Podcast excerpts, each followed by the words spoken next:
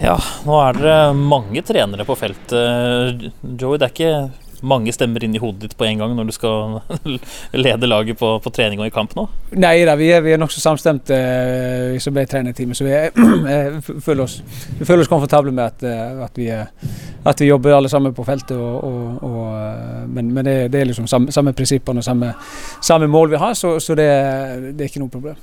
Bringaker omtaler denne rundens motstander som et sånn kjedelig lag. Eh, men det er vel ikke noe enkel motstander som man forbereder seg på her? Nei, ikke i det hele tatt. De, jeg vet ikke om de er kjedelige, men de er i hvert fall ikke enkle. Det, det er helt sikkert.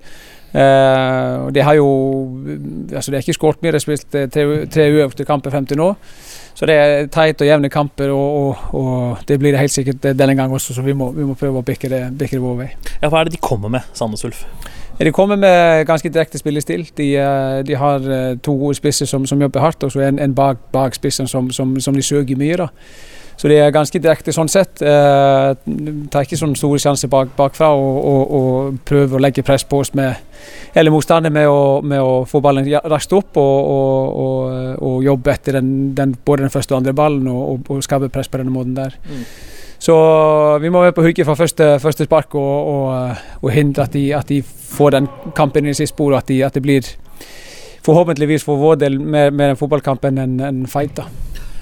Så har man jo etter hvert begynt å se noen offensive spillere i start som har fått en liten har fått rett og slett en vår nå på vårporten med, med formasjonsomlegging og alt mulig. Tenker da særlig på, på vingene. Eh, hvordan har de fungert i det siste, sånn som du ser det?